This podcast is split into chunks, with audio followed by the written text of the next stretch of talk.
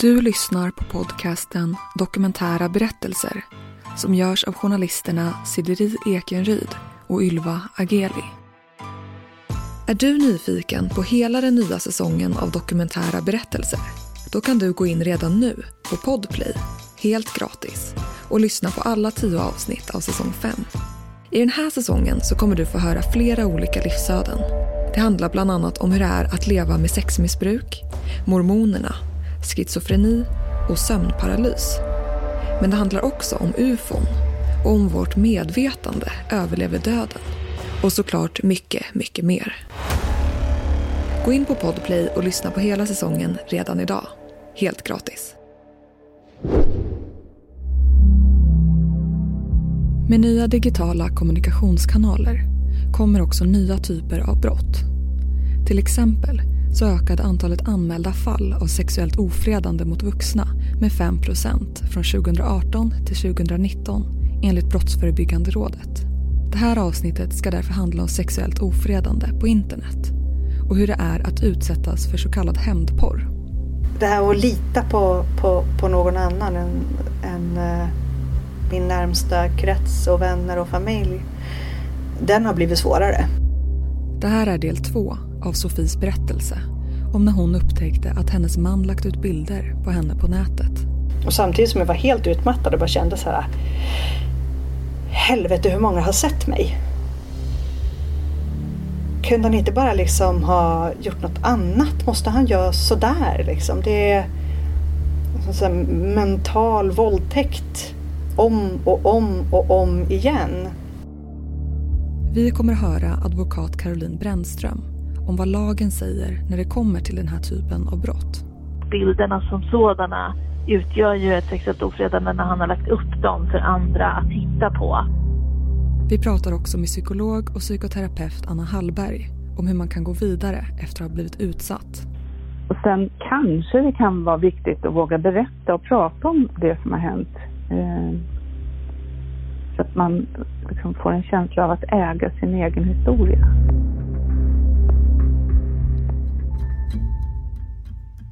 2015 lämnar Sofie sin man. Ett år senare upptäcker hon att det finns nakenbilder på henne ute på en porrsajt. För det, det, är så många frågor som dyker upp och som aldrig liksom eh, eh får svar. För det är ju ett sånt förtroende på något sätt som är så krossat.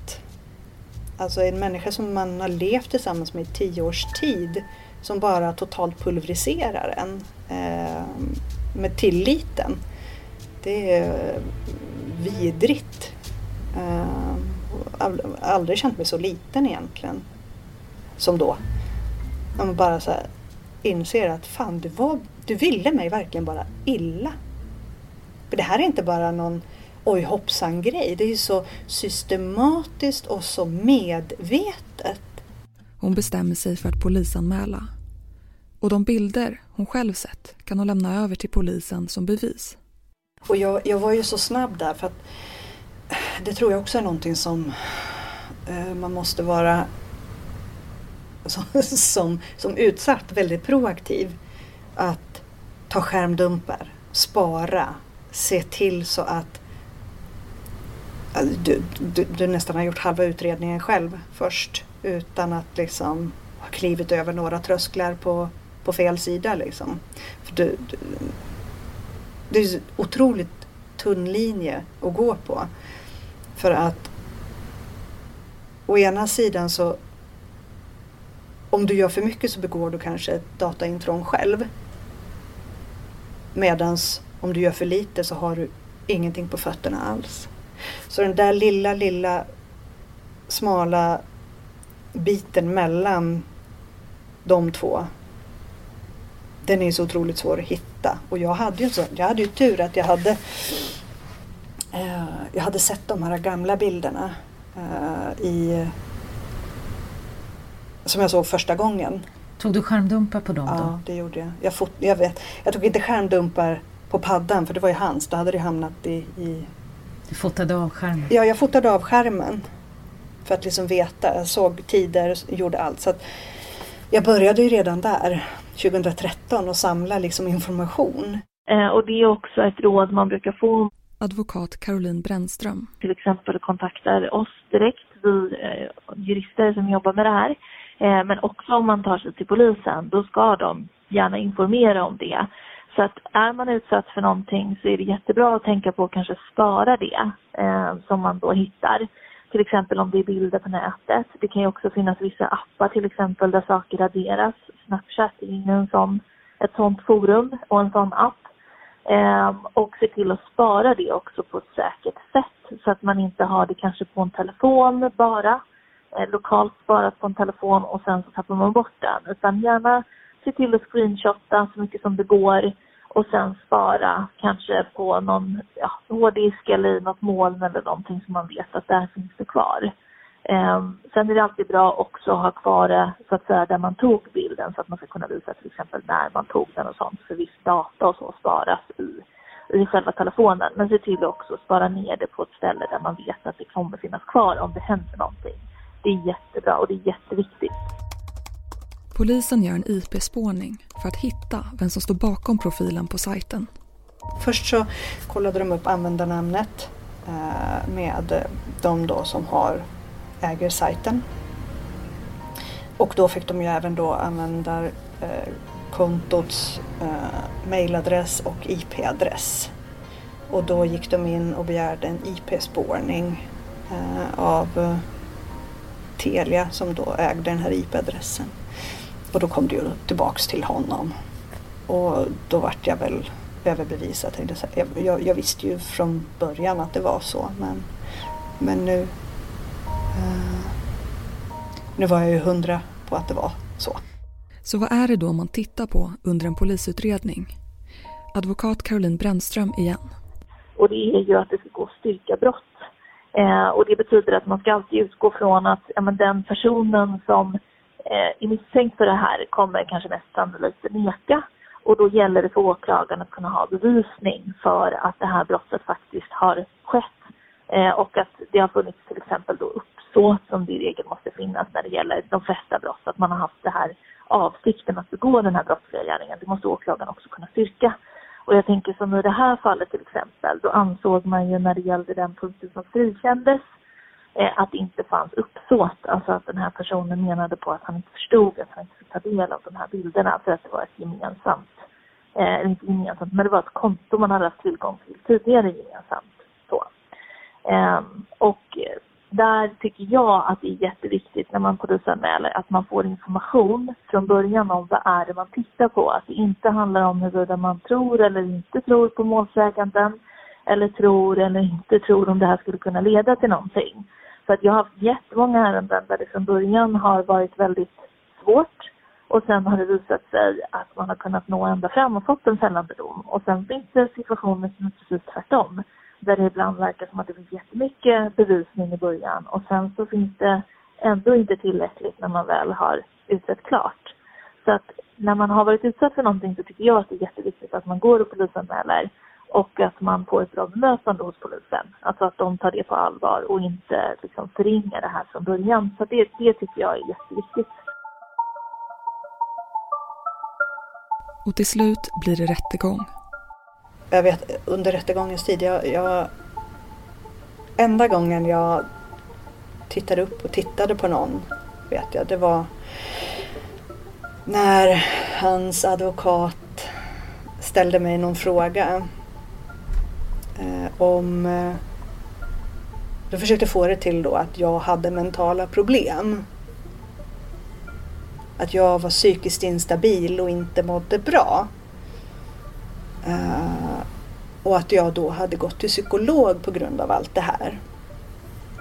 Vilket jag kan tänka är väl mer en hälsosam approach att faktiskt söka stöttning utanför den omedelbara eh, klicken som man har i sin närhet som får höra mina funderingar och mina ojanden dag ut och dag in och samma liksom monolog med mig själv hela tiden och, och få säga samma saker hela tiden så gick jag, tack, och lov, tack vare jobbet som ställde upp med att för det första ge mig lite ledig tid men även en psykologkontakt en gång Eh, i veckan. Nej, det var nog inte ens en gång i veckan men jag hann med några gånger under förundersökningen i alla fall. Och eh, bara för att få ett mer neutralt eh, och objektivt stöd i att kunna sortera ut hur ska jag hantera min vardag när jag har ändå en rätt så hög stressnivå inombords. Hur ska jag fixa min vardag med jobb, med barn, med aktiviteter. Eh, men då försökte de då under rättegången istället för att få det till att jag var lite instabil. Eh, och det var nog den enda gången jag varit förbannad under rättegången när de kom med de påståendena. Så då jag snäste av henne ganska så snabbt, advokaten där och stirrade henne rakt i ögonen och sa att den, den enda anledningen till varför jag behöver gå till en psykolog, det är på grund av din klient. Man söker troligen inte vård om man inte lider. Psykolog och psykoterapeut Anna Hallberg. Det är ju som svar på att hon led och inte bemästrade den situationen på egen hand. Och därför sökte hon väl psykolog. Och stress är ju en form av lidande och stress kan leda till eh, andra symptom, alltså både psykiska och fysiska. Vi tog en paus också däremellan, eh, mitt i någon gång. Jag vet inte, de behövde diskutera någonting. Eh, nämndemännen på något vis. Eh, och så får vi gå in och sätta oss igen. Och jag, hela den här jäkla huvudförhandlingen var ju helt bisarr. För det första så hade ju människan försökt krångla sig ur den, skickat in Eh, såna här yrkanden på att det skulle avgöras utan huvudförhandling för att det var så av så känslig karaktär allting. Lägga ut mig och sig själv då på vissa bilder på en porrsida, det är helt okej. Okay. Men att ta upp det inom låsta dörrar i en huvudförhandling med nämndemän som är utbildade eh, på huvudförhandlingsområdet i sig och säkert sett andra saker än det här. Det skulle vara fruktansvärt, tydligen. Med Hedvigs hemförsäkring är du skyddad från golv till tak oavsett om det gäller större skador eller mindre olyckor. Digital försäkring med personlig service, smidig hjälp och alltid utan bindningstid. Skaffa Hedvig så hjälper vi dig att säga upp din gamla försäkring. Hedvig Hemförsäkring, ett klick bort. I andra förhöret erkänner sig Sofies exman skyldig till sexuellt ofredande. Han erkänner sig också skyldig till dataintrång. Slutligen döms han enbart för sexuellt ofredande och straffet blir villkorlig dom, dagsböter om 40 gånger 80 kronor. Vad ska jag tänka om det liksom? Det är en engångsbetalning. Um, alltså någonting som sitter i belastningsregistret i ett tag och sen är det borta och glömt. Um, ja, och det kan jag ha full förståelse för. Advokat Caroline Brännström. Att man som lekman och även som målsägande tycker det är ett väldigt lågt straff. Alltså i förhållande till den kränkning som hon har varit utsatt för.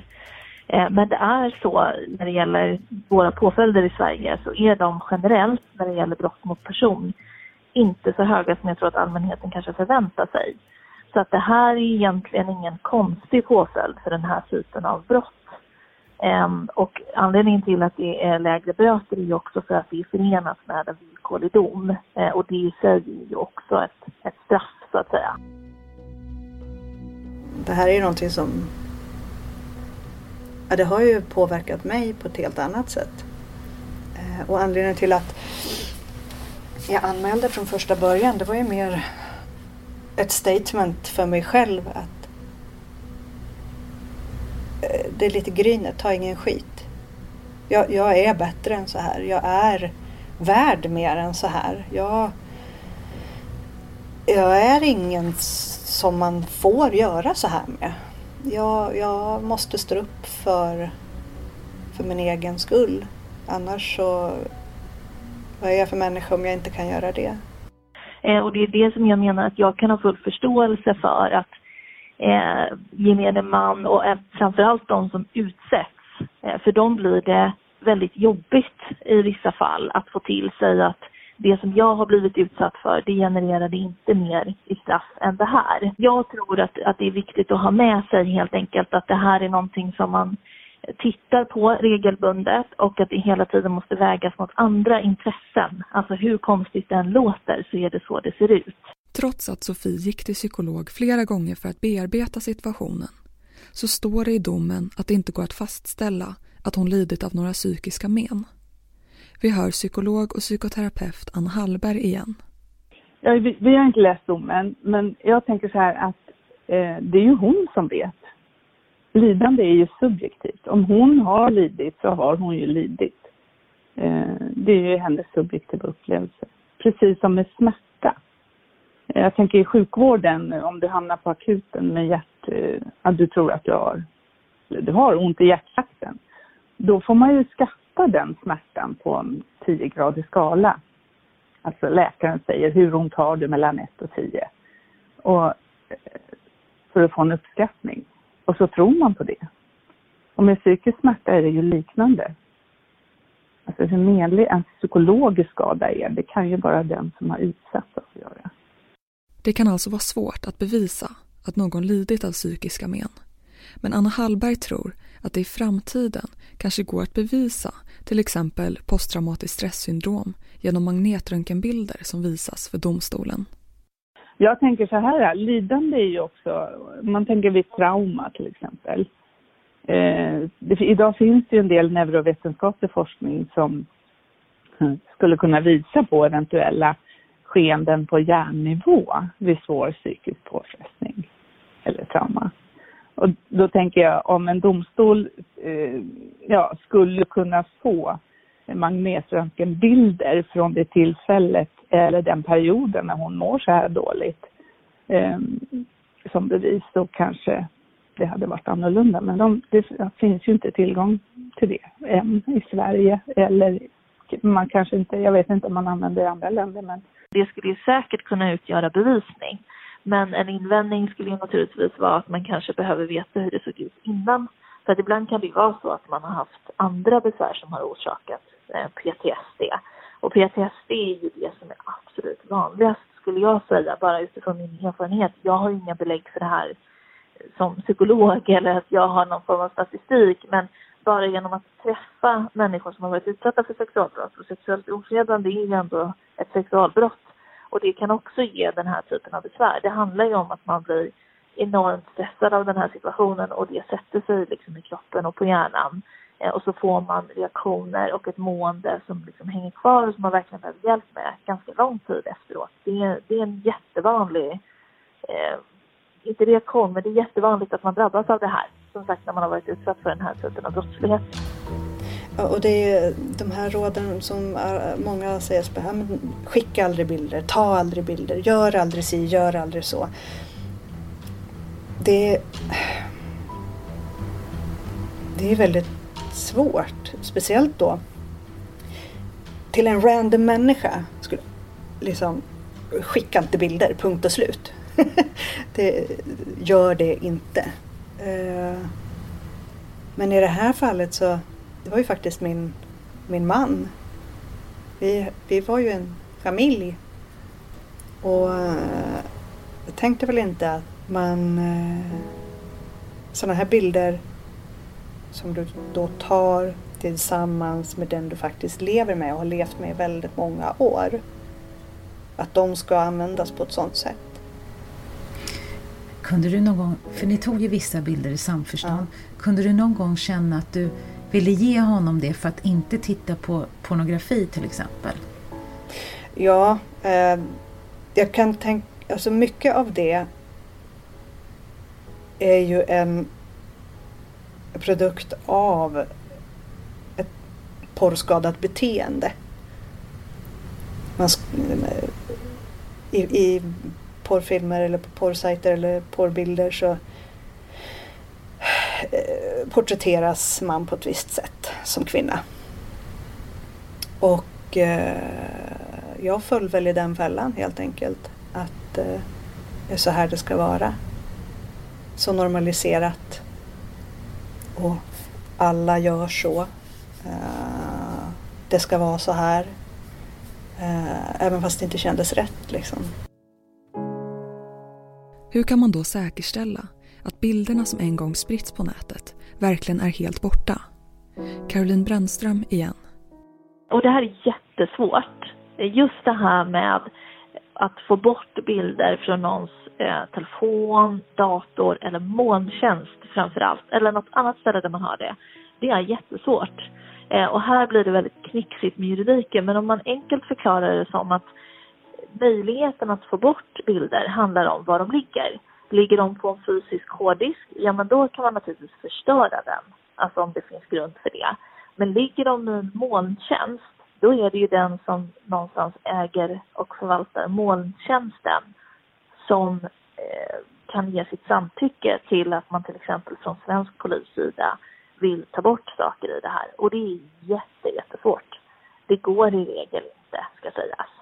Sen vet jag att Expat har dragit igång någon, ehm, eh, inte kampanj skulle jag väl inte säga, men ett arbete med att försöka få bort bilder på nätet. Nu vet inte jag exakt hur de gör, men jag tänker att är det så att man vet att det finns bilder på en på nätet, så hade jag absolut tagit kontakt med till exempel dem eller om det finns någon annan som arbetar med det här. För det är jättesvårt för polis och åklagare att göra. Så att eh, det där är jätte, jättesvårt och det är en fråga som man också ofta får. Att jag vill att han tar bort det här på mig.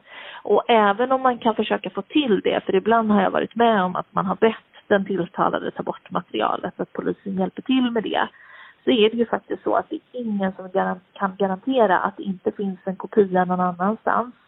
Eh, för det har jag också varit med om nämligen, alltså tilltalade som har sagt i andra mål att det här materialet har jag tagit bort och sen har det dykt upp någon annanstans. Då har inte det varit den här typen av brott, utan det kanske har varit andra sexualbrott som till exempel barnpornografi och så.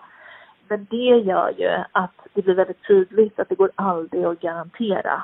Eh, man kan bara hoppas att det är så om man säger att man har tagit bort någonting. Men det går aldrig att garantera till 100 procent, tyvärr.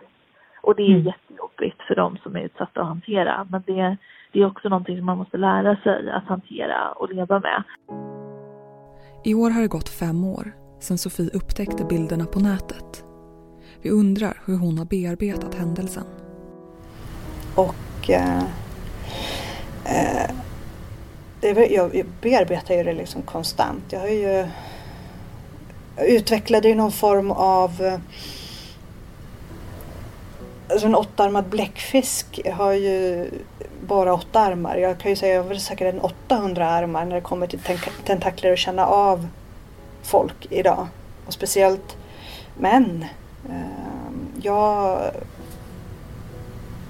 har någon bullshit alarm som bara ding ding. Det, det, jag känner av minsta lilla mismatch.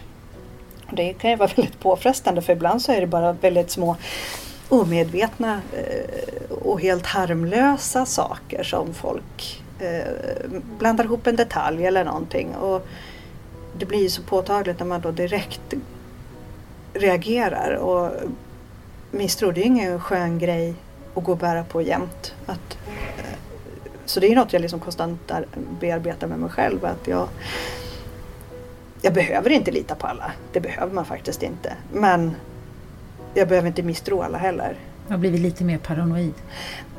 Inte paranoid skulle jag vilja säga. Jag bara... Jag, är, jag känner av.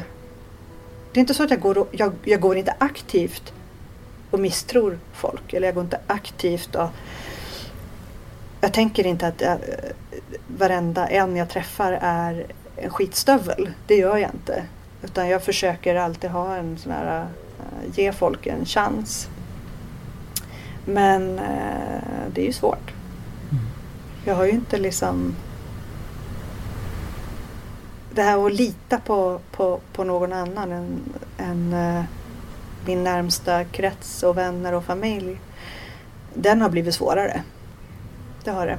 För det, den typen och den nivån av, av svek eh, blir ju, den är tung. Det, det, är ju verkligen målet, är ju att hon ska kunna våga lita på andra. Anna Hallberg igen.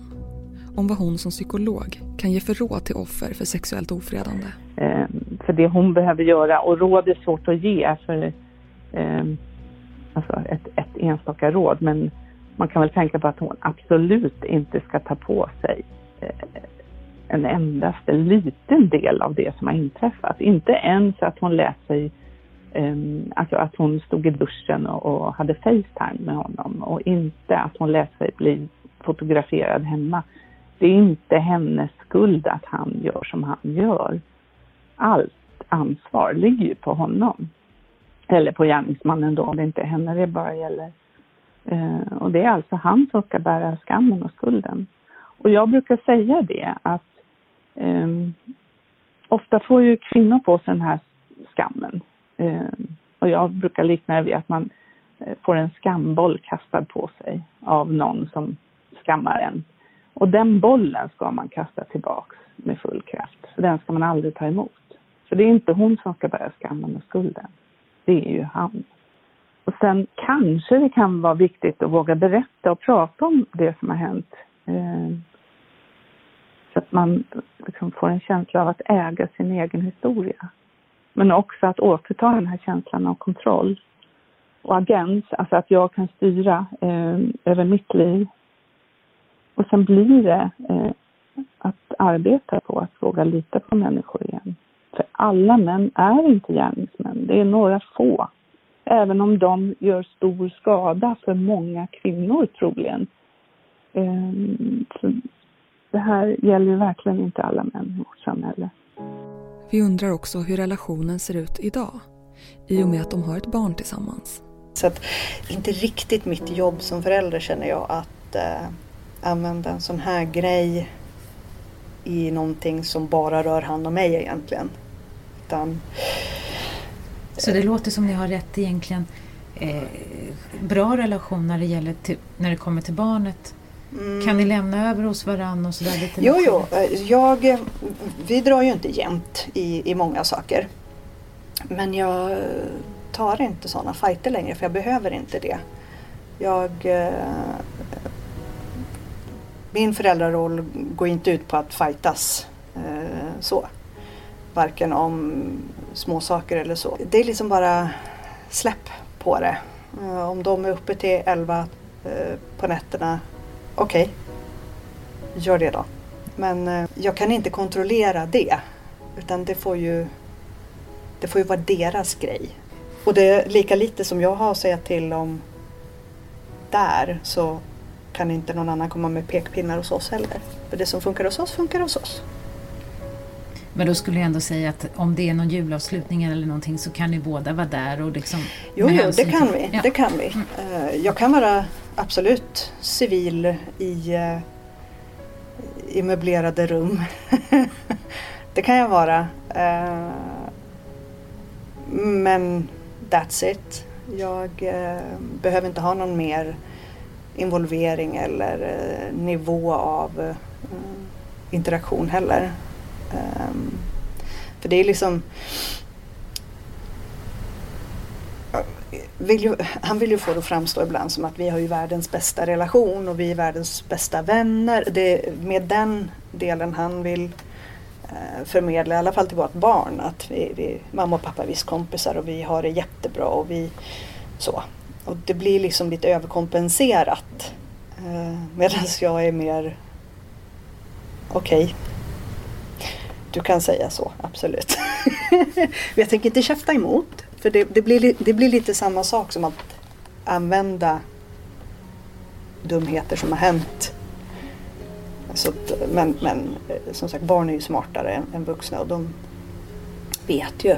kan ju läsa en som en öppen bok. Så att det är ingen idé att hålla på och, och eh, säga emot utan jag bara, ja ja, absolut. Jag tycker att samhället har den här rollen att förmedla allas lika värde och respekt för individens integritet. Och oavsett hur juridiken ser på en händelse så kan ju ansvaret aldrig ligga hos offret. Aldrig. Och det är ju så att jag tänker med den här domen att psykologi eh, och då eh, mänskligt fungerande eh, och juridik går ju inte alltid hand i hand, vilket jag tror. kanske vårt samhälle behöver utveckla lite mer. Eh, det är väl det jag tänker. Sexualitet ska ju vara något fantastiskt egentligen. Att utforska tillsammans med den eh, man litar på. Eh, så det är ju det är ju verkligen, ja, du var inne på det här med vad man kan ge för råd. Att, eh, det här att våga lita på andra, det ska ju vara något fint. Det är det finaste man delar med en annan människa, är ju den här intimiteten.